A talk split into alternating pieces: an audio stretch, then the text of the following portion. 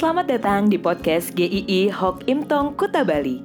Penginjil Ray Reginaldi akan membagikan renungan harian singkat untuk membawa Anda mengenal dan menyembah Tuhan Yesus, bertumbuh dan menjadi murid Kristus, serta berdampak untuk banyak orang. Jika Anda merasa diberkati melalui renungan ini, silahkan bagikan podcast ini agar orang lain juga diberkati. Inilah renungan hari ini.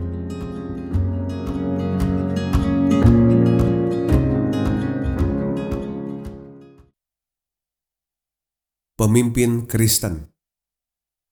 Bilangan 14 ayat 24 Tetapi hambaku Kaleb karena lain jiwa yang ada padanya dan ia mengikut aku dengan sepenuhnya akan kubawa masuk ke negeri yang telah dimasukinya itu dan keturunannya akan memilikinya.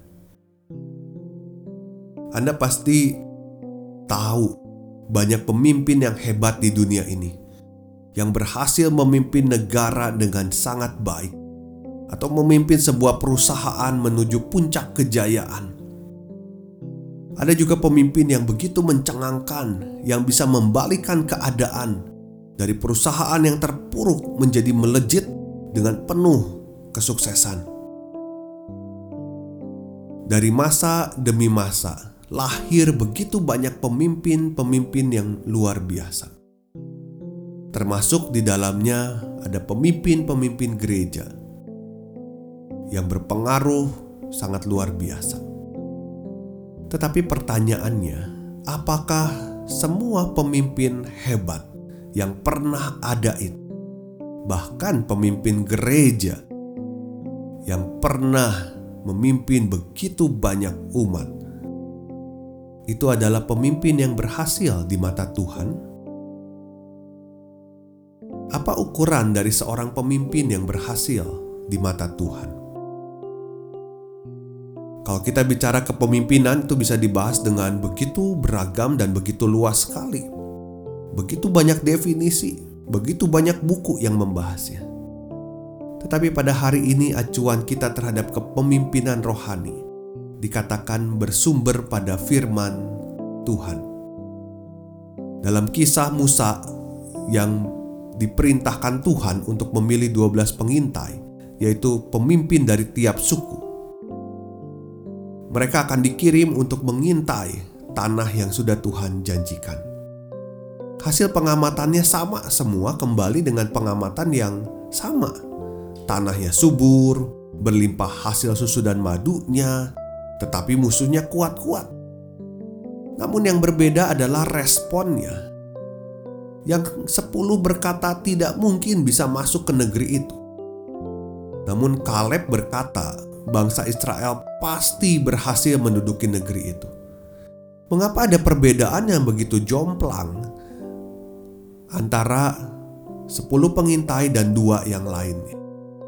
Kesepuluh orang itu menilai berdasarkan hanya pengamatan pribadi saja hanya menilai berdasarkan kekuatan diri saja. Kaleb dan Yosua menilai berdasarkan iman kepada Tuhan.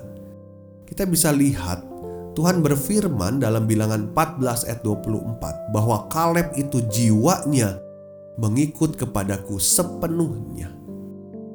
Bahwa Kaleb itu sebagai pemimpin berjalan di dalam jalan Tuhan bahkan dikatakan jiwanya mengikut kepadaku. Iman ini pasti lahir juga dari pengalaman bersama dengan Tuhan di masa lalu, ketika menyaksikan bangsa-bangsa yang begitu perkasa dilibas Tuhan dengan mudah, apalagi bangsa-bangsa yang ada di Kanaan. Bagaimana pertolongan Tuhan mengeluarkan mereka dengan luar biasa dari Mesir juga. Kaleb mengetahui dan mempercayai betapa besarnya Tuhan yang dipercaya. Tidak ada yang bisa membendung jalan Tuhan. Saat Tuhan Yesus ada di dalam dunia, Tuhan Yesus mengatakan bahwa Dia ada di dalam dunia untuk melakukan kehendak Bapa. Banyak orang takjub dengan keberhasilan Tuhan Yesus menyembuhkan orang sakit, mengadakan mujizat-mujizat, membangkitkan orang mati, meredahkan badai, dan lain-lain. Tapi keberhasilan yang utama kalau kita lihat adalah ketika Tuhan Yesus taat sampai mati di kayu salib untuk menyelamatkan manusia dari hukuman kekal. Inilah yang Tuhan mau untuk setiap orang percaya. Taat pada kehendak Bapa. Seorang pemimpin Kristen yang benar harus nantiasa bergantung pada Tuhan dan kehendaknya, yaitu kebenarannya kepekaan akan kehendak Tuhan itu dibangun dalam relasi dengan Tuhan hari demi hari.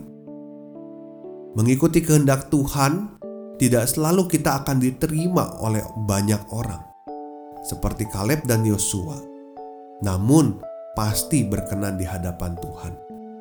Menjadi pemimpin di dalam dunia ini memang tidak mudah. Suara kita kadang dianggap kuno dianggap sok suci, tetapi jangan kecut hati. Selama kita mengatakan kebenaran, karena Tuhan akan selalu bersama kita. Bagi Anda yang hari ini memegang jabatan-jabatan, Anda sebagai pemimpin-pemimpin, dan Anda adalah orang yang mengaku percaya kepada Tuhan Yesus. Jadilah pemimpin yang taat pada pimpinan Tuhan yang sesungguhnya Jangan hanya untuk kepentingan diri Anda sendiri. Besok kita akan bahas tentang nyanyian. Nyanyian apa? Tunggu besok. Tuhan memberkati.